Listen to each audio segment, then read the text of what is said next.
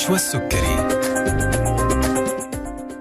بسم الله الرحمن الرحيم. السلام عليكم ورحمة الله. حلقة جديدة من طبابة تأتيكم على ألف ألف FM. معي أنا نشوى السكري على الهواء مباشرة. أحييكم مستمعينا الأعزاء في هذا البث المباشر حيث نقدم لكم اليوم حلقة جديدة من طبابة مثل ما تعرفوا طبابة برنامج طبي بيناقش المواضيع الطبية والمستجدات في عالم الرعاية الصحية. في كل حلقة من حلقات برنامجنا بنحرص دائما أنه نتكلم عن قضايا صحية حالية ومتنوعة وبنسلط الضوء على أحدث الابتكارات والتقنيات الطبية اللي بتساهم في تحسين جودة الرعاية الصحية وحياة الناس. تقدروا تسمعونا مستمعينا الأعزاء من خلال الراديو على الموجة اف ام من جدة 101 الرياض 94 الدمام 107.5 ومن مكة المكرمة 102.5 ومن المدينة المنورة 104.5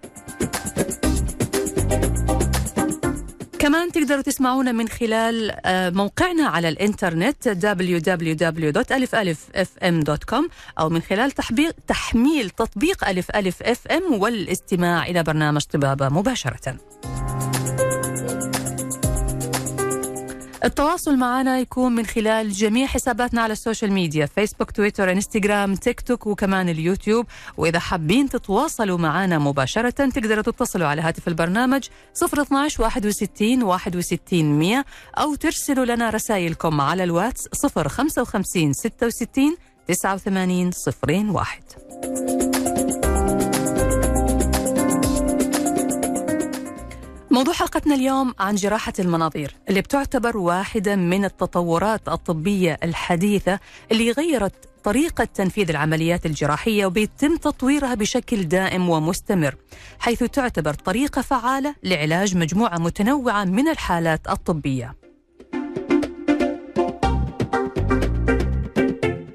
بيستطيع الأطباء من خلال جراحة المناظير إجراء عمليات دقيقة عن طريق الإمكانيات التكنولوجية المتطورة ومنظار مصغر يتم إدخاله من خلال فتحة صغيرة في جسم المريض.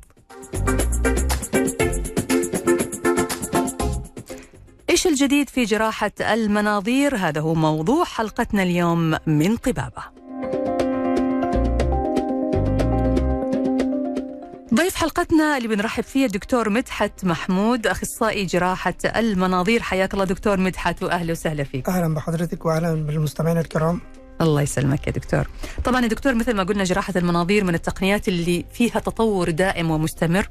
وطبعا هي تعتبر من أهم التقنيات الطبية اللي ساه يعني ساعدت كثير من المرضى وساعدت كمان الأطباء في إجراء جراحات مختلفة بطريقة بسيطة وبمضاعفات أقل وفترة نقاهه أقل ولها يعني كثير من المزايا هنتكلم عنها في حلقتنا اليوم. أكيد. في البداية يعني إيش يا دكتور جراحة مناظير؟ بسم الله الرحمن الرحيم. هو طبعا كان الجراحات التقليدية اللي هي معروفة من قرون سابقة كانت عبارة عن إنها بتتعمل بحاجة اسمها الشق الجراحي. مم. إن إحنا بنفتح فتحة تتراوح من 6 إلى 8 سم وممكن تزيد على حسب المكان اللي الدكتور هيعمل فيه العملية أو على حسب هو عايز يشوف إيه. نعم. أو على حسب كان هيعمل استكشاف فبيفتح فتحة طولية في البطن آه، بيكون طولها أكتر من 10 سم فطبعا ال- المنظار لما جه عمل طفرة في علم الجراحة بصفة عامة. فابتدت الأمور تختلف. نعم. يعني ابتدت الفتحات تكون فتحات صغيرة جدا ومنها بندخل بكاميرا وبنشوف كل حاجة في البطن. نعم. يعني أصبح النهاردة الاستكشاف بدل ما أفتح فتحة طولية في البطن طولها مثلا 15 سم أقدر من خلال فتحة صغيرة مهم. في البطن إن أنا أدخل من بكاميرا أقدر أستكشف البطن كلها أقدر أشوف فوق وتحت. ممتاز. حتى عند السيدات أشوف المبايض والرحم وفوق أشوف الكبد كله من خلال فتحة صغيرة مم. لا تتعدى سنتي. نعم. فأصبحت النهارده جراحات المناظير بتتعمل من خلال ثلاث أو أربع فتحات صغيرة آه، طولها حوالي من نص سنتي إلى سنتي وبندخل منها نعمل العملية بمنتهى الأمان وبمنتهى الاحترافية ومفيش أي مضاعفات ممكن تحصل منها للمريض. ممتاز. بس الفرق طبعا بيبقى فرق كبير جدا لأنه الجراحات التقليدية الفتحة الكبيرة اللي قلنا عليها دي المريض اولا بيقعد في المستشفى فترة أطول يعني مم. بيقعد من يومين إلى ثلاث أيام. نعم. وبيخرج من المستشفى بعديها يتم الغيار على الجرح بشكل يومي ممكن الجرح يبقى عنده قابلية إنه يحصل التهاب وتجمع سوائل أو إنه يحصل له التهاب صديدي نعم. وخصوصا مع مرضى السمنة المفرطة أو مع مرضى السكر أو الناس اللي عندهم ال- المناعة بتاعتهم ضعيفة شوية. لكن في جراحات المناظير الكلام ده ما بيحصلش لأن الفتحات الصغيرة دي ما بيحصلش منها التهاب ما بيحصلش منها مشكلة في الجرح المريض بيخرج في في نفس اليوم أو تاني يوم وبيمارس حياته الطبيعية في خلال أسبوع 10 أيام يرجع شغله والأمور تبقى طبيعية. ممتاز. لكن الجراحة التقليدية بيرجع شغله بعد ثلاث أو أربع أسابيع. نعم. الحاجة الثانية إن الجراحة التقليدية أنا ممكن للأسف انه ممكن يحصل منها فتق. فتق جراحي. نعم. نتيجة مثلا عدم تقفيل البطن بشكل كويس أو نتيجة ضعف في عضلات البطن وخصوصا عند السيدات. اللي هم عندهم ترهل نتيجة الحمل المتكرر والحاجات دي. نعم. فده بيخلي إنه آه، مشكلة الجراحات المفتوحة أكتر بكتير من جراحات المناظير. نعم نعم. الحاجة الثانية إنه تقريبا النهارده بقت كل أنواع العمليات بتتعمل بالمنظار. كل أنواع العمليات؟ تقريبا كل مم. أنواع العمليات بتتعمل بالمنظار. مم. استثناءات لبعض المرضى اللي أنا ما أقدرش أعمل لهم منظار في. بعض الاستثناءات. نعم. يعني مثلا سيدة حامل مم. فأنا مش هقدر أعمل لها جراحة منظار. آه واحد عنده مرض في الكبد وعامل استسقاء في البطن يعني مية مش. هقدر اعمل له نعم آه الثالث مثلا ممكن يكون مريض قلب ودكتور التخدير قال لا ده عضلة القلب ضعيفة مش هتستحمل إن أنا أنفخ البطن بغاز معين وحاجات آه، كده. فبضطر إن أنا أعمل له جراحة مفتوحة نعم يعني بقت في أضيق الحدود مم. فيما عدا هذا تقريبا تقريبا كل أنواع العمليات بتعمل بالمنظار. النهارده مثل إيش يا دكتور أعطينا كذا يعني. مثلا جراحات الأطفال. بقت بتتعمل بالمنظار النهارده لو عندنا خصية معلقة نعم. لطفل مثلا والخصيه دي موجودة جوه البطن مم. أنا ممكن بالمنظار أدخل وأعمل لها تسليك وأبدأ أنزلها بالتدريج إلى الكيس الصفري ممتاز هذه كانت عملية يعني عملية صعبة في الفترة كانت طبعا بالنسبة للأطفال مم. يعني علم المناظير تطور إنه وصل لجراحات الأطفال يعني شق بسيط بالضبط. جدا من خلاله يدخل المنظار ويظبط ال- الخصيه. وترجع تنزل في بالظبط. مكانها ترجع الطبيعي تنزل في مكانها ومفيش مضاعفات مفيش مشاكل بالنسبة للطفل والأمور بتبقى طبيعية ممتاز الجراحات النساء النهارده اللي هي المبايض مثلا إذا كان في أكياس على المبايض أو جراحات الرحم مم. كلها النهارده بتتعمل بالمنظار أو راح اورام الرحم كمان اورام الرحم تتعمل بالمنظار مهما كان حجمها ولا في مهما كان لأنه دلوقتي بقت التقنية حتى إن إحنا ممكن نفتت يعني الورم كان الأول المشكلة إزاي هطلعه من البطن إي بالضبط عشان كذا أنا بسأل مهما كان حجمها آه. ولا ولا آه. الأحجام الصغيرة بس بقى في النهارده التقنية إن أنا ممكن أفتت الورم ده وأطلعه من البطن قطع. بشكل معين okay ممتاز طيب لو أنا في حالة لو أنا عايز أطلع الورم زي ما هو على أساس هبعته يتعمل للفحص تحليل. والتحليل في أي. الحالة دي بضطر أفتح فتحة صغيرة أطلع منها الورم في كيس معين مم. وأبعته زي ما هو. نعم نعم. لو أنا مش عايز أفتته. ممتاز. فبقت كل حاجة داخل فيها المنظار. مم. الجراحات المسالك داخل فيها جراحات المناظير. نعم. فبقت الأمور منتشرة بشكل آه الحمد لله والتقنيات الجديدة كمان في جراحات المناظير. الكاميرا بقت ال resolution بتاعها بقى أعلى بقى في zero درجة في 30 درجة. يعني بقت بتوريني كل حاجة بشكل يعني مفيد جدا بالنسبة للمريض ومفيد ليا. ممتاز. يعني دقتها مرتفعة جدا فبتعطي للطبيب القدرة على أنه يفح يفحص ويدقق في الحالة بشكل جيد. بالظبط مع. التقنيات الجديدة دي بقت الأمور دي بقت سهلة جدا وبقت متوفرة طبعا. ممتاز يا دكتور ممتاز. طيب هو لازم يكون المنظار من خلال شق؟ يعني مثلا إحنا في فتحات طبيعية في جسم الإنسان. ممكن استخدام المنظار طبعا من خلال هذه الفتحات الطبيعية. هي الفتحات المتعارف عليها دايما اللي هي أول حاجة فتحه عند السرة فوق مم. السرة دي أيوة. اللي بندخل منها الكاميرا. دي بتبقى حوالي سنتي تقريبا. نعم. وبعد كده في فتحات بقى صغيرة على حسب أنا هشتغل إيه. مهم. يعني أنا هشتغل تحت في الحوض مثلا بيبقى الاتجاه إن أنا هشتغل تحت فبفتح مثلا فتحتين. نعم. لو أنا هشتغل فوق مثلا فتح إذا كان الفتح ده آه، عند الحجاب الحاجز أو حاجة في الكبد أو المرارة نعم. بيبقى الاتجاه ناحية ال- الجزء اللي فوق. نعم. فمكان الفتحات بيختلف على حسب أنا هشتغل إيه العملية اللي أنا هشتغلها. ممتاز يا دكتور.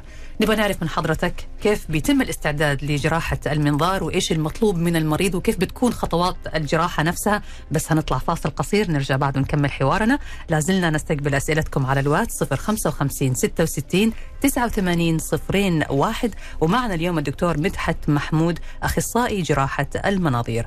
فاصل وراجعين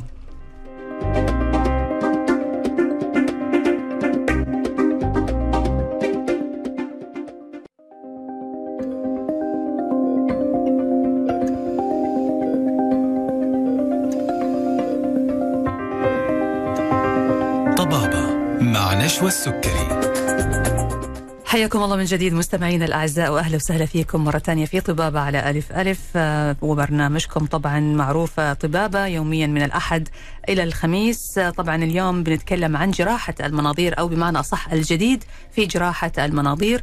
ضيف اليوم الدكتور مدحت محمود أخصائي جراحة المناظير وطبعا الحوار صراحة مع الدكتور مدحت يعني حوار فعلا فيه معلومات كثيرة اليوم استفدنا منها. هنواصل حوارنا مع الدكتور مدحت ونتكلم عن الاستعداد لجراحة المناظير. إيش المطلوب من المريض؟ يعني بما أنه هي جراحة لكن جراحة تختلف إلى حد ما عن الجراحة التقليدية. فإيش المطلوب من المريض قبل بدء الجراحة المناظير؟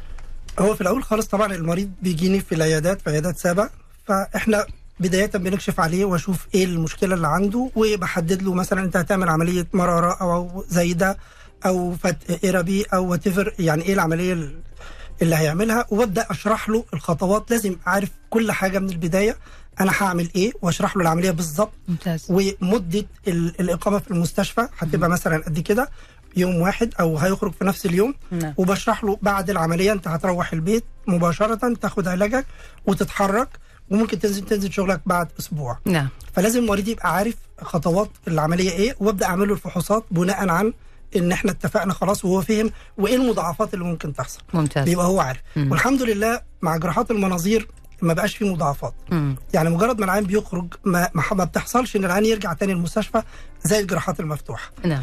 فبقت ال- التقنيات العالية بتخلي في سهولة في التعامل وفي نفس الوقت إن أنا ببقى شايف النتائج معايا بال... على الكاميرا. ممتاز, ممتاز. فبتبقى الأمور بالنسبة للعيان سلسة جدا وفي نفس الوقت ما فيش مخاوف منها. يا سلام. فبقت كل تقريبا أنواع الجراحات بتتعمل بالمنظار فبتبقى more safe للعيان. مم. بس هي بتحتاج خبرة الطبيب طبعا إنه يكون في خبرة في موضوع استخدام المنظار. آه الحاجة الثانية إن المريض يكون fit إن هو يتعمل له العملية. نعم. وخصوصا المرضى اللي هم مثلا عنده ضغط لازم يتظبط قبل العملية اللي عنده سكر لازم يتظبط قبل العملية اللي عنده مشكلة في القلب يعدي الأول على دكتور القلب يديني ال okay. إن كفاءة القلب كويسة فينفع إن أنا اعمل له العملية دي بتبقى الاستثناءات فقط. مم. فيما عدا هذا ما عندناش استثناءات تانية لأي جراحة في المنظار. ممتاز. بالنسبة لكبار السن آه، ممكن برضو إجراء نفس جراحة الحكاية. منظار بالعكس إذا كبار ما كان عندهم مشاكل زي ما حضرتك قلت في الضغط والقلب والأشياء هذه عادي. بالظبط أي عمليات لكبار السن بتتعمل بالمنظار ويكون أفيد للمريض. نعم. يعني أفيد لأنه طبعا كبير السن مش هيستحمل إنه يقعد في المستشفى فترات طويلة مش مش هيستحمل نغير له على الجرح فترات طويلة. الحاجات. دي كلها بالنسبة له. بس طبعا يبطل تدخين بقى والحاجات ال- المعروفة طبعا فترة. عشان صدره وعشان التخدير قبل أي حاجة. لا ما الحاجات المعروفة هذه يا دكتور مو كل الناس تعرفها. فقول لنا إيش المحاذير المفروض إنه هو يوقفها أو ينتبه لها قبل ما يعمل الجراحة؟ نمرة واحد لو عنده سكر لو مريض سكر لازم السكر يكون متظبط. ده نعم. أساسي. نعم. نمرة اتنين لو مريض ضغط لازم الضغط يكون متظبط يكون بياخد علاجه تمام. ثلاثة لو هو مدخن طبعا يقلع عن التدخين فترة عشان صدره. تمام. ما يكونش فيه لو عنده ربو أو حاجة آه، لازم يبلغ دكتور التخدير عشان بيعمل حساباته في موضوع التخدير بتاعه. ممتاز. دي التحذيرات اللي هي المبدئيه أي مرض أي دواء بياخده كورتيزونات أو بياخد كيماوي أي حاجة بياخدها لازم يدينا خبر لأن دي هتفرق معانا في مع دكتور التخدير. مم. لكن فيما عدا هذا كجراحة في حد ذاتها أنا ما بيفرقش معانا الموضوع. لكن أكتر مع دكتور التخدير إن المريض يكون داخل تحاليله كلها كويسة مم. سليمة أموره تمام الهيموجلوبين بتاعه كويس ما يكونش عنده أنيميا. فيما عدا هذا أموره خلاص بتبقى جاهزة لأي جراحة. الأشخاص يا دكتور اللي بياخذوا أدوية س- سيولة أو عنده أصلا سيولة في الدم. تمام. لازم حضرتك يوقف دواء السيولة قبل العملية على الأقل من أربعة إلى خمس أيام. أربعة إلى خمسة أيام آه مم. لازم يوقف دواء السيولة تماما ونعيد له التحليل قبل العملية إنه ال- السيولة عنده بقت مظبوطة الأمور تمام عشان برضو ما يحصلش منها نزيف ممتاز يا دكتور طيب الحين حضرتك جاك المريض وعملت له الفحوصات وظبطتوا كل المشاكل أو الحمد لله ما طلع عنده مشكلة وهو يصلح فعلا لإجراء جراحة المناظير إيش الخطوة اللي بعدها الخطوة اللي بعديها إن إحنا خلاص اتفقنا وشرحت له كل حاجة و- وفهمته كل الموضوع بعد كده بندخل في الجراحة نفسها أيوة. جراحه المنظر نفسها مم. على حسب أنا هعمل إيه مم. يعني مثلا على سبيل المثال لو اتكلمنا على الفتق الاربي نعم. على سبيل المثال الفتق الاربي ده بيكون الفتق الموجود تحت في أسفل البطن من الناحيه اليمين أو اليسار أو من ناحيتين. هذا الحين بيتعامل بالمنظار بيتعمل بالمنظار بكل كمان سهولة. اول مرة أعرف آه لا وأحسن كمان من المفتوحة لسبب. مم. المنظار أساسي في جراحات الفتق الإربي خصوصا في حالتين. نعم. الحالة الأولانية لو هو عملها قبل كده مفتوحة ورجعت واو رجعت مرة يبقى ثانية لازم. يتعمل منظار. والحالة الثانية ليش لازم ينعمل منظار؟ لأنه هو عملها قبل كده بالمفتوحة ورجعت آه فده okay. معناها إن إن في خطأ ما حصل يعني يعني أي ما لا، آه، الجراحة التقليدية ما ناسبته نعم. عضلاته ضعيفة أو أيوه. إنه الشبكة ما تواءمت ما تواءمتش مع الدهون بتاعته أو مم. إنه ما يعني morbid obese يعني وزنه زيادة مم. فبرضه ما حصلش تجانس مع الشبكة نعم فيفضل إنها تتعمل بالمنظار نعم فده بالنسبة لو كان حصل له فتق ورجع نعم النقطة الثانية لو عنده الفتق الناحيتين يفضل بالمنظار. لأن مش معقول أفتح للعين فتحه يمين وفتحه شمال. أنت كده راح تضعف أصلا العضلات أكثر بالظبط يعني. أيوة. فبالمنظار بتبقى هي الأيديال في, في الأمور دي كلها. بس كيف بتتم يا دكتور يعني أنا أعرف إنه في شبكة بتنحط علشان تعمل رتق للفتق هذا اللي موجود فكيف بيتم بالمنظار إحنا بندخل بثلاث فتحات. فتحة إيه. عند السره دي الأساسية اللي. بندخل منها بالكاميرا ودي بتبقى سنتي نعم. وفتحتين في الجنبين بتكون كل واحدة فيهم نص سنتي. نعم. وبندخل منها على الناحية مثلا اليمين لو الفتق في اليمين ونفتح حاجة اسمها الغشاء البريتوني ننزله وننزل الفتق كله وبعد كده نقوم حاطين الشبكة ونقفل عليها الغشاء البريتوني مرة ثانية ممتاز. خلصت العملية. ما تاخدش مثلا بالظبط تلت ساعة نص ساعة ونقاهة. بعد العملية أقل. بالظبط. يخرج مم. في نفس اليوم. وتاني يوم أو بعد أسبوع يمارس حياته الطبيعية. نعم. ولو الفتق في الناحية الثانية بنفس الفتحات ما بنعملش فتحات جديدة نقوم داخلين على الناحية الثانية ونعمل نفس اللي عملناه في الناحية الأولانية. ممتاز دكتور. فالموضوع سهل وبسيط وبس خبرة الطبيب وفي نفس الوقت إن العيان يكون مناسب. نعم. فقط. كم متوقع تكون فترة العملية نفسها يا دكتور؟ فترة العملية بتبقى من نص ساعة إلى ساعة لو كانت مثلا في الناحيتين مم. بالنسبة لعمليات الفتق وبشكل عام يعني. بشكل عام. مهم. لكن العمليات بصفة عامة زايدة أو مرارة أو قولون أو حاجة بتبقى اولا أقل من الشغل اللي أنا لو أنا هعمله جراحة لأنه مجرد تقفيل الجرح في الجراحات المفتوحة. لوحده بياخد مش أقل من نص ساعة. يعني عشان أقفل جرح بس في عمليات مفتوحة بياخد نص ساعة في المنظار ما بياخدش خمس دقائق لأنها ممتاز كل واحدة بتاخد غرزة وخلاص وانتهى الموضوع. ممتاز. فطبعا التقفيل لوحده نص ساعة أنا شلت كده نص ساعة من العملية نفسها. مهم. بس ومع حركة ال- الآلات الجديدة في المناظير والحاجات دي الأمور بقت سهلة وبسيطة يعني. مهم. حضرتك قلت لي إنه فترة التنويم بتكون أقل يعني كم تقريبا بعد الجراحة؟ في نفس اليوم ممكن يخرج, يخرج في نفس اليوم. ممكن في نفس اليوم وممكن تاني يوم. ومت... ومتى يرجع لحياته وعمله حي... يعني بعد أسبوع. أسبوع. بعد أسبوع أسبوع يرجع. لحياته الطبيعية مهم. ممتاز طيب بالنسبة دكتور لجراحة ال- المنظار العمود الفقري طبعا العمود الفقري من الجراحات برضو الصعبة والمعقدة وأعتقد أنه جراحة المناظير أثبتت نجاح كبير جدا في جراحات العمود الفقري. برضو نعم. كلمنا عن هذا الجانب. الجراحات بالنسبة للعمود الفقري في نوعين من جراحات الم- في جراحة مناظير وفي جراحة مايكروسكوبية. أيوة إيش الفرق بينهم؟ في فرق مهم جدا ما بين الاثنين جراحات المناظير أنا بدخل زي ما قلت لحضرتك من خلال فتحات صغيرة مم. وأعمل العملية والموضوع بيخلص على كده. تمام. الجراحات الميكروسكوبيه بيبقى في فتحة بندخل منها وجهاز الم- الميكروسكوب بيكبر المكان فببقى شايف الحاجة مثلا بدل ما هي صغيرة ببقى شايفها كبيرة مم. وخصوصا مع جراحات العمود الفقري لأنه بيشتغل في أعصاب وبيشتغل في مناطق بالضبط بالضبط حساسة جدا فبيلزموا نعم. جراحات يكون فيها ميكروسكوب نعم فجراحات الميكروسكوب بتبقى غالبا من خلال فتحة في الظهر طولها مثلا حوالي 2 سم أو 3 سم ومنها الجراح بيحط الميكروسكوب فبيكبر مم. ال view بتاع المنظر ويبدأ إن هو يعمل الجراحة بتاعته. لكن المناظير لا هم فتحات وبيخش بآلات. يعني الفرق إن جراحات الميكروسكوبيه هو بيشتغل بإيده نعم لكن الجراحات الم- المناظير لا هو بيشتغل من خلال آلات بندخل بيها اللي هي آلات بتدخل على المكان ونعمل بيها الجراحة بتاعتنا. يعني في الميكروسكوب كيف بيشتغل بيده؟ معلش دكتور وضح لنا الميكروسكوب أنا فتحت فتحة مثلا طولها حوالي 2 سم أو مم. 3 سم. لكن المكان فيه أعصاب وفيه اوعيه دمويه دقيقة جدا وأنا مش بالعين المجردة مش هقدر أجيبها. okay أيوة. آه فهو بيجيب جهاز اللي هو الميكروسكوب الميكروسكوب بيكبر له ال- ال- المنظر بشكل واضح يبقى. الأعصاب واضحة قدامه ممتاز. ويبقى الاوعيه الدمويه واضحة قدامه فبتقل موضوع خطورة إنه يحصل آه، أي مضاعفات. والجراحات الميكروسكوبية دلوقتي كمان دخلت في دوال الخصية.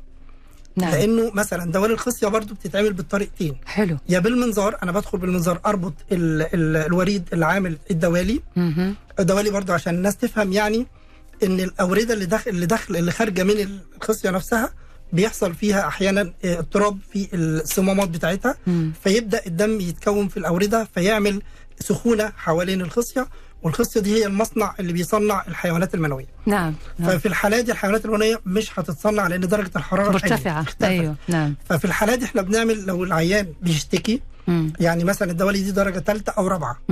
درجة أولى وثانيه غالبا بيمشي علاج لكن لو بقت درجة ثالثه أو رابعة وبيشتكي لازم جراحة بيشتكي من ألم مم. أو عنده تأخر في الإنجاب يعني ما فيش إنجاب أيوه متجوز بقاله مثلا فترة وما انجبش مم. في الحالة دي الجراحات إن إحنا نعمل جراحة للدوالي ضروري ممتاز لأنها بتبقى من ضمن الأسباب اللي تحسن الحالة وترجعه للأمور الطبيعية بتاعته.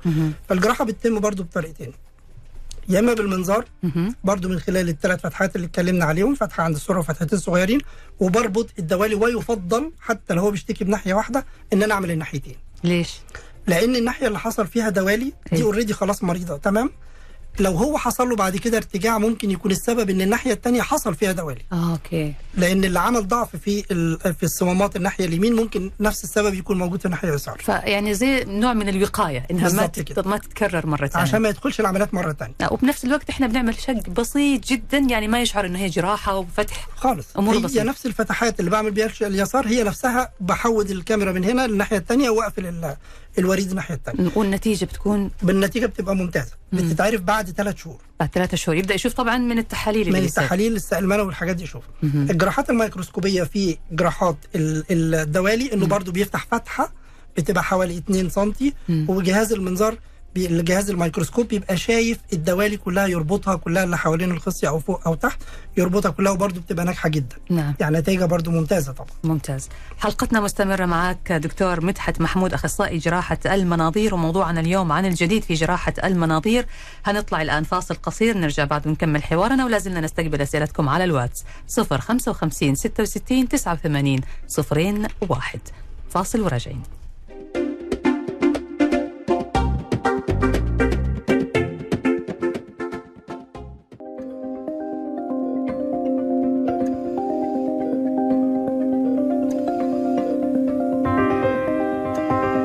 طبابة مع نشوى السكري حياكم الله من جديد مستمعينا الأعزاء وأهلا وسهلا فيكم مرة ثانية في طبابة على ألف ألف مع ضيف حلقتنا الدكتور مدحت محمود أخصائي جراحة المناظير.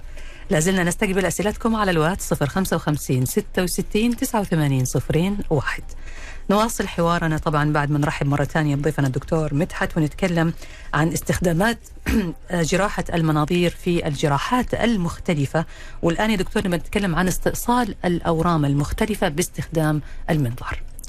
حاليا بقت برضو جراحات المناظير داخلة في استئصال الأورام. يعني أورام القولون مثلا على سبيل المثال أو مم. أورام المعدة نفس الحكاية برضو من خلال مجموعة فتحات ثلاث نعم. أو أربع فتحات بندخل منها برضو نشيل الورم كله وبقى في أج- يعني أدوات حديثة إن إحنا لو شلنا الورم ن- نلزق تاني الأمعاء في بعضها.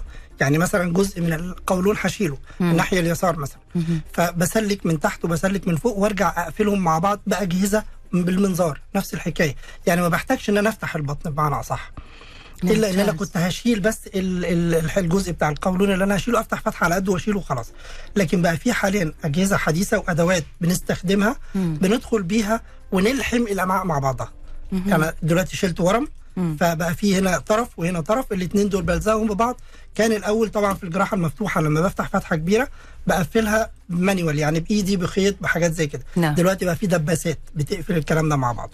أنا عندي سؤال يا دكتور في هذا الجانب تحديدا بالنسبة لأورام القولون أو أورام المستقيم والمستقيم جزء طبعا برضو من ال- الأمعاء الغليظة أو القولون لما بيتم استئصال الورم أو استئصال الجزء اللي فيه الورم وبيتم لحم المنطقة هذه أو إعادة ربطها مع بعض هو هي كذا ما إحنا أخذنا مثلا جزء منها هل بيتم وضع يعني حاجة بديلة في المكان اللي تم استئصاله ولا كيف؟ لا اللي بيحصل دلوقتي لو أنا عند مثلا في ورم في نهاية المستقيم يعني أيوة. أقصد نهاية المستقيم يعني قريب من البطن نعم لأن برضو في limit معين ليا إن أنا هستأصل من فوق أو هستأصل من تحت نعم. فأنا دلوقتي دخلت بالمنظار هستأصل ورم في نهاية المستقيم أو في بداية ال- القولون النازل نعم آه، وبشيل طبعا تلت القولون تمام؟ أيوه. فأنا لما بشيل تلت القولون بكون أنا عملت تسليك لبقية القولون المستعرض. مم. بسلكه خالص عشان يطول معايا. آه بت- بتمطوه آه يعني. طبعا يوصل. آه أوكي. لازم لازم أسلك بقية القولون عشان ينزل معايا لحد تحت. وبعد كده بدخل من أسفل بدباسة معينة. وأربط ال- الجزء اللي أنا استأصلته من فوق مع الجزء من تحت. وأربط الطرفين مع بعض بدباسة معينة. نعم. لكن الفكرة إن أنا ما بستعوضوش بحاجة تانية يعني لو القولون مثلا طوله متر for example وإحنا شلنا مثلا آه، 50% منه مهم. بقى اللي موجود 50% بس. ما استبدلناش بحاجة أي بس بن بن بنمطه يعني آه. زي ما حضرتك قلت بتخليه يطول لين ما بالظبط يرجع بف- تاني بفكه بسلكه. كده. بفكه من الالتصاقات اللي فيه وبفكه من ال... من الحاجات اللي هو ماسك فيها وأنزله معايا مع الاحتفاظ بالدو... بالدورة الدموية بتاعته أيوه لازم يكون نازل معايا الدم بتاعه علشان اللي هيغذيه اللي هيغذي أكيد التروية. الدموية بالظبط مهم. طيب في الحالة هذه يا دكتور إذا استخدمنا أو إذا تم استخدام المنظار في استئصال آه، ال- الورم من القولون أو من المستقيم هل بيحتاج المريض برضه ل colostomy أو للقسطرة بعد ال- الجراحة ولا لأنه في الجراحة التقليدية بيحتاج؟ لا colostomy دي حاجة مختلفة. مهم. colostomy ده أنا دلوقتي آه، قفلت مثلا القولون لسبب أو آخر مم. وعايز أطلع ال colo- ال colostomy عشان الناس تفهمها دي فتحة تبرز خارجية. بالضبط. طيب إحنا دي بنعملها في حالتين. وهي الحالة الأولانية لو إنه ال- الورم تحت خالص يعني دخل في القناة بتاعت المجرى البراز okay ففي الحالة دي لا خلاص مش هينفع له حاجة فبضطر إن أنا أطلع له فتحة ال colostomy دي فتحة نهائية هيفضل بيها. أو الحالة الثانية إن أنا بعملها prophylactic أو بعملها بشكل مؤقت يعني. آه. كمؤقت مم. فأنا ممكن أعمل الجراحة كلها اللي أنا هعملها بالمنظار مم. وفي الآخر أفتح فتحة على قد ال- ال- ال colostomy اللي أنا عاملها إن أنا. أطلع آه إن أنا أطلع حتة القولون بره. بتبقى فتحه على قدها. وهي دي اللي بيتبرز منها العيان وبعديها بفترة برجع أقفلها تاني على بعضها. يعني هي ضروري سواء في جراحة الت- المناظير أو في الجراحة التقليدية ك- عشان تمنع مثلا ال infection أو العدوى في منطقة الجرح صح كده؟ لا هي الضرورة بتاعتها إيه؟ ما هو ده أيوة. السؤال أيوة. يعني لو لو إنه على سبيل المثال لو إن الورم إيه أنا استأصلته بالكامل أي ودخلت الدباسة ولزقت القولون مع بعضه تمام. خلاص الموضوع انتهى لكن لو في دواعي إن أنا يعني مثلا جالي واحد مثلا مم. عنده القولون منفجر نتيجة الورم عنده ورم والقولون منفجر فمطلع آه، آه، يعني آه، براز بره وكده. وعامل التهاب بريتوني.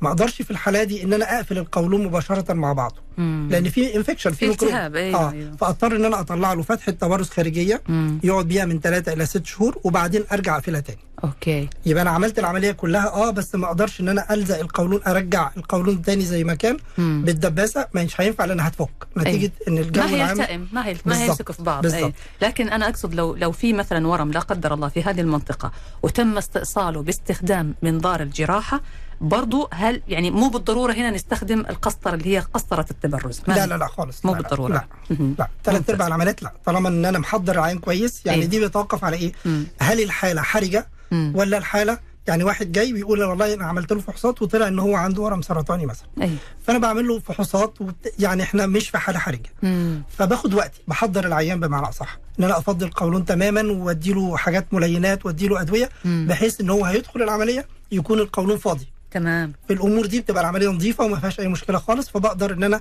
أعمل توصيلات القولون مع بعضها تاني. تمام. لكن لو عيان جالي وعنده مثلا إن القولون انفجر ومطلع. حاجات في الحاله دي ما أقدرش اعمل صعبة. إيه، بضطر. إن أنا أعملها. الحقيقة يعني آه، يمكن برضو هذه تعتبر من حسنات جراحة المناظير لأنه في كثير من المرضى يمكن ما يقلقوا الجراحة بقدر ما يقلقوا أنه بعد الجراحة مضطر أنه يركب قسطرة للتبرز. يعني هذه عند ناس كثيرة مأساة. آه. فبرضو هذه تعتبر من حسنات جراحة أكيد. المناظير. طيب نتكلم يا دكتور برضو عن ال- المنظار التشخيصي أو منظار القولون الجهاز الهضمي اللي بيستخدم في عمليات التشخيص. برضو هذا أعتقد مهم جدا وصار في تطور كبير في الفترة ال- هو في طبعا لبس عند الناس في مسألة آه، منظار المنظار الجراحي ومنظار الجهاز الهضمي. نعم. المنظار الجراحي اللي إحنا شرحناه دلوقتي. مم. اللي هم الثلاث فتحات بدخل فيهم البطن واعمل كل العمليات اللي أنا عايزها. نعم. المنظار التشخيصي حاجة مختلفة. أنا بدخل من خلال الفم نفسه مهم. وطبعا برضو بكون مصوم العيان ومحضره. بدخل أدور على إيه؟ بدخل أدور لو في قرحة في المعدة. نعم. بشوفها. لو في لا قدر الله ورم في المعدة باخد منه عينة. أي. بندخل منه أحيانا علشان لو في حصوات في القنوات المرارية بوصل لحد عندها واشيل الحصوات اللي موجودة في القناة المرارية مش اللي في المرارة في القناة المرارية. أيوه. وعاملة انسداد وعاملة صفرة. فبضطر أشيل وأحيانا أحط دعامة. نعم. ده اسمه منظار جهاز هضمي. مهم. واللي بيعمل ده دكتور جهاز هضمي مش الجراح. أوكي. فهو بيدخل يا إما ياخد عينة يا إما إنه يشيل حصوات ويحط دعامة. أو إن هو آه، يعالج إذا كان أو يستكشف يقول لي والله العيان ده ما فيهوش حاجة ده من فوق مم. ومن تحت نفس الحكاية ممكن يعملوا منظار شرجي ويدخل يستكشف القولون كله وإذا كان في أورام ياخد منها عينة إذا كان في أي حاجة ت- قولون تقرحي ياخد منه عينة أي حاجة بيشوفها يجيب لي عينة منها تمام إذا كان لا قدر الله عنده نزيف من أسفل. برضه بيدخل يحقن شوية آه، مواد معينة يوقف النزيف فده اسمه منظار جهاز هضمي نعم. مختلف عن المنظار الجراحي. ممتاز يا دكتور. طيب حلقتنا مستمرة. هنعرف من حضرتك برضو استخدامات الروبوت كتقنية حديثة جدا في مجال جراحة المناظير لكن بعد ما نرجع من الفاصل لازلنا نستقبل أسئلتكم على الواتس 055 66 89 صفرين واحد. خليكم معنا ومعنا الدكتور مدحت محمود أخصائي جراحة المناظير. فاصل ونواصل.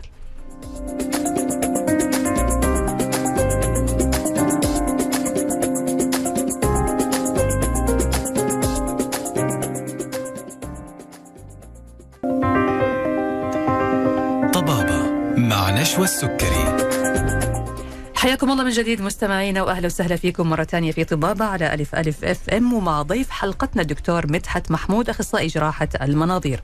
طبعا اليوم بنتكلم عن الجديد في جراحة المناظير وتطبيقات جراحة المناظير في عدد كبير جدا من الجراحات اللي أصبحت بالفعل وسيلة فعالة جدا وأضرارها ومضاعفاتها أقل بكثير من الجراحات التقليدية. طبعا في الجزء الأخير إحنا باقي عندنا محور أو محورين هنوجهها للدكتور مدحت وناخذ طبعا بعض الأسئلة اللي جاتنا من المستمعين. طيب دكتور آه، برضو نبغى نعرف من حضرتك الآن التطور مثل ما قلنا في جراحة المناظير مستمر تمام. بشكل مبهر ومدهش فعلا. بدأوا الآن يستخدموا جراحة المناظير باستخدام الروبوت. فإيش هذه التقنية؟ الروبوت عبارة عن إنه جراحة مناظير عادية أنا بدخل على المريض. الأول بنثبت الأجهزة كلها فيه كل الآلات بتتثبت الكاميرا بتتثبت نعم. والمحاور اللي أنا بشتغل بيها بتتثبت لكن أنا بأجري العملية بالكامل من خلال غرفة تانية. على الكمبيوتر نعم. يعني no touch للعيان مفيش أي حد طب مين بيدخل اللي بيجري العملية؟ مين الكمبيوتر أنا اللي بعملها عن طريق الكمبيوتر. آلات معينة يعني. أنا بحرك الآلات أنا بحركها من بره على الكمبيوتر تتحرك جوه عند المريض ودقيقة يا دكتور؟ دقيقة جدا مم. وبيبقى الفايدة منها كمان إنه ما فيش touch ما فيش way لل infection يعني. مش هيحصل عند المريض التهاب مش هيحصل حاجة لأنه ما فيش العنصر البشري جوه الغرفة مش موجود. فأنا بشتغل من خلال الشاشة اللي قدام الكمبيوتر نعم. بحرك ال- الآلات بتاعتي وبتتم العملية كأني بعملها له جوه نعم. بالظبط من قدامي وأنا شايف في الشاشة بع- كأني بعملها له جوه مم. طبعا جراحات الروبوت النهارده بقت موجودة بس لسه ما خدتش المساحة الكبيرة لأنها مش متوفرة في كل المستشفيات في العالم يعني في كل بلد هتلاقي ممكن يعني هنا في المملكة ممكن نلاقي مستشفى أو اتنين هم اللي عندهم جراحات الروبوت. لكن فيما عدا هذا كله لسه يعني التقنية دي لسه جاية وتحتاج كمان تدريب والطاقم كله. يكون مدرب آه. عليها مم. بالظبط بس هي بتستخدم حاليا في إيش يا دكتور؟ باي أنواع الجراحات؟ برضه في أي أنواع الجراحات مم. بس يفضل الجراحات ال- لحد دلوقتي البسيطة يعني المرارة مثلا أو الزايدة أو كده يعني مم. الجراحات اللي هي البسيطة اللي ممكن أنا أتحكم فيها من بره يعني إيه okay ما يحصلش فيها مشكلة جامدة يعني ما يحصلش مثلا لا قدر الله نزيف فاضطر أدخل المريض واخد بالك لا الجراحات اللي هي more safe اللي هي نعم. المتعارف عليها والسهله بالنسبة للجراح. ممتاز. لكن لسه ما دخلتش في more details زي جراحات قولون جامدة أو جراحات آه اوعيه دمويه جوه أو بتاع. لا لسه ما دخلتش في كده. ممتاز. فلسه دي خطوة إن شاء الله مستقبلية. يعني ده المستقبل بمعنى صح يعني. نعم. طيب إحنا كده يا دكتور عرفنا يعني أهمية جراحات المناظير. بس كمان علشان برضو نكون منصفين نبغى نعرف هل لها مضاعفات هل لها مخاطر؟ إيش الأعراض اللي لو ظهرت بعد إجراء جراحة بالمنظار لابد من إنه المريض يتوجه فورا للدكتور. طيب هو بعد العملية مباشرة العيان أول شكوى بيشتكي بيها إنه يقول لي أنا عندي ألم في كتفي اليمين. مم. دي أنا برضو ببقى شارحها للعيان انه بيجي له ألم شديد شوية في كتفه اليمين وبيبقى من ورا كمان عند ال- العظمة اللي ورا إيش سببه يا دكتور؟ بيبقى سبب الهواء اللي أنا بحقنه لأن الهواء اللي أنا بحقنه في البطن ده مم. المادة الغاز اللي أنا بحقنه في البطن بيعمل إيه بيخبط في الحجاب الحاجز ففي عصب في الحجاب الحاجز بيسمع في الكتف أوكي. فالعيان بيحس بيحس بألم بعد العملية. أها وفي الكتف فما له علاقة في المنطقة اللي كان خالص. فيها الجراحة. ملوش. علاقة بالعملية مم. علاقة بالغاز اللي أنا حقنته تمام. فالألم ده المفروض فيه آه، آه، تنبيه على العيان في حاجتين. الحاجة الأولانية إن الجراح قبل ما يطلع يفضي الهواء من بطن العيان. دي. نمرة واحد. ونمرة اتنين إن المريض ما ينامش بشكل منسدح. يعني ينام 45 درجة. أوكي جالس. آه مم. شبه جالس. مم. على أساس إيه؟ ان هو يبقى الحجاب الحاجز مريح تحت. تمام. لأن هو لو انسدح لورا الهواء هيخبط في الحجاب الحاجز هيعمل آه. ياثر على العصب اللي بيت... بيتألم هذا. ودي تمام. بتقعد مع المريض من ثلاث لأربع أيام بياخد عليهم مسكن والموضوع بينتهي. مهم. فدي تمام. من أكتر الحاجات اللي ممكن بتقرق المرضى في موضوع جراحات المناظير لكن حلها بيبقى بسيط ومفيش لها يومين. ثلاثة وبتروح بالظبط لكن لو استمرت هل في مشكلة في لا الحال؟ لا خلاص ما تستمر. تستمرش ما. تستمرش طيب أستأذنك يا دكتور يعني ناخذ كذا كم سؤال من الأسئلة عشان بس المستمعين بيزعلوا لما ما نجاوب أسئلتهم في عندنا سؤال آه، يقول السلام عليكم آه، العمر آه، 76 الله يعطيك الصحة والعافية ويبارك في عمرك يا رب آه، يقول آه، عندي حصوات في القناة المرارية وحصوات في المرارة وكنت أبغى أستأصلها من خلال جراحة المنظار. لكن عندي مشكلة في الصفائح الدموية فقالوا لي ما تصلح لك عملية المنظار. فأبغى رأي الدكتور. هي طبعا نمرة واحد لازم موضوع الصفائح الدموية ده يتعالج وإلا هنخش في نزيف وهنخش في مشاكل آه المفروض إن هو قبل ما يرو... ما قبل ما يجيني الأول إن هو يشوف دكتور آه آه آه امراض دم نعم. إن هو يجي يوفر له صفائح دموية أو يوفر له المهم إن هو يظبط لي القصة دي. مم. لكن في نقطة مهمة هو قالها مم. إن هو عنده حصوات في المرارة وحصوات في القناة المرارية. أبدأ بمين الأول؟ أوكي. أبدأ دايما بالقناة المرارية الأول. مم. ليه؟ لأن حصوات القناة المرارية دي نزلت من المرارة راحت داخلة على القناة المرارية سدتها نعم, نعم. تمام مم. فأنا محتاج الأول إن أنا أشيل الأخطر الحصوات يعني. الأول بتاعة ال- لأنها هتعمل صفرة أيوه هتزود نس- نسبة الصفرة في الجسم فهيحصل له مشاكل أكتر وخصوصا في موضوع السيولة برضو مم. فأنا بدخل الأول إن أنا أشيل الحصوات اللي موجودة في القناة المرارية ثم أعمل عملية المرارة تمام وما يكونش بينهم وقت كتير مم. ليه علشان أخاف إن حصوات تانية تخرج من المرارة تنزل تاني تسد القناة المرارية مرة تانية تمام تمام واخد بال حضرتك؟ مم. فهي هي هنا ما فيش تعارض بس العيان يتظبط الأول عن طريق دكتور أمراض دم. ان هو يرفع الصفائح. آه لازم يرفع لي على أساس ما يحصليش نزيف. وبرضه أصل دي مشكلة هتواجهه سواء جراحة مفتوحة أو جراحة بالمنظار. صحيح. إنه في الحالتين هيحصل له نزيف. فلازم الأول يتظبط قبل ما يعمل ده. مم. يعني حتى برضو لو يبغى يستأصل المرارة برضو نفس الشيء ما ينفع يستأصلها إلا بعد ما يضبط مستوى لازم الصفائح لازم. تمام. طيب في سؤال دكتور كمان يقول هل يمكن استخدام جراحة المنظار في عمليات زراعة الأعضاء؟ هي دي صعبة لأن صعبة. زراعة الأعضاء أنا دلوقتي مثلا هزرع كلى. أيوه. طيب زراعة الكلى دي بتحتاج إيه؟ تحتاج أول حاجة إن أنا هشيل الكلى اللي موجودة في مكانها. وهدخل الكلى نفسها. فالكلى نفسها مش هقدر إن أضغطها وأدخلها. أيوه. والحاجة الثانية إن زراعة الكلى بتحصل في الحوض تحت ما بتحصلش في مكانها. مم. فعشان تنزل في الحوض وأوصل الأوعية الدموية ببعضها لا ما لسه ما, ما وصلتش الموضوع المنظار ان أنا هدخل الكلى جوه الجسم. مم. عشان يعني- كده لازم هذه آه. أفضل الجراحة التقليدية المفتوحة العادية صعبة، آه. نعم طيب في سؤال كمان يا دكتور يقول عندي ألم يجيني في الكتف من وقت إلى آخر وكنت تعرضت إلى حادث من فترة من حوالي سبع سنوات هل جراحة المنظار ممكن تفيد في حالتي هو ما وضح إيش المشكلة بالضبط بس مجرد الألم هي على حسب لو هو عنده مشكلة في الكتف نفسه مم. يعني أحيانا هقول لحضرتك أحيانا مرضى السكر بيحصل لهم حاجة اسمها تيبس في الكتف مم. إن هو يحصل limitation في الحركة بتاعة الكتف. نعم. ففي الحالة دي أحيانا بيدخل الدكتور بالمنظار ويفك التصاقات. دي بتبقى عبارة عن التصاقات أيوه نعم. يعني السكر أحيانا بيعمل التصاقات في العضلات اللي حوالين الكتف. فهذه اللي بتسبب الألم والتصلب أو التيبس اللي بالظبط. حاصل. فيحصل تيبس. تلاقي العيان مش قادر يرفع إيده. مم. يعني مش قادر ي... ولا واحدة ست مش قادرة تمشط شعرها. مهم. ففي الحالة دي الدكتور بيدخل بالمنظار برضو يفك الت- الالتصاقات اللي موجودة دي كلها ويرجع حركة الكتف طبيعية. بعديها بقى يخش في علاج طبيعي وحاجات تانية ولو في سكر لازم بعديها يتظبط. ممتاز. لأن ممكن تحصل نفس الالتصاقات في الناحية الثانية. أكيد. ممتاز. ممتاز يا دكتور. أنا بشكرك جزيل الشكر. الدكتور مدحت محمود أخصائي جراحة المناظير. شكرا يا دكتور لوجودك. معنا. استفدنا فعلا كثير في حلقة اليوم. الله يعطيك العافية. شكرا. لك. الشكر موصول لكم أنتم أيضا مستمعينا الأعزاء. نلقاكم على خير إن شاء الله تعالى في حلقة قادمة في يوم الأحد الجاي. انتظرونا من الأحد إلى الخميس من الساعة واحدة إلى الساعة 2 بعد الظهر وحوار مباشر. تقبلوا تحياتي أنا نشوى السكري ومخرج هذه الحلقة رائد باراجي. أترككم الآن مع برنامج من حقك مع زميلي الأستاذ عادل بارباع في حفظ الله ورعايته.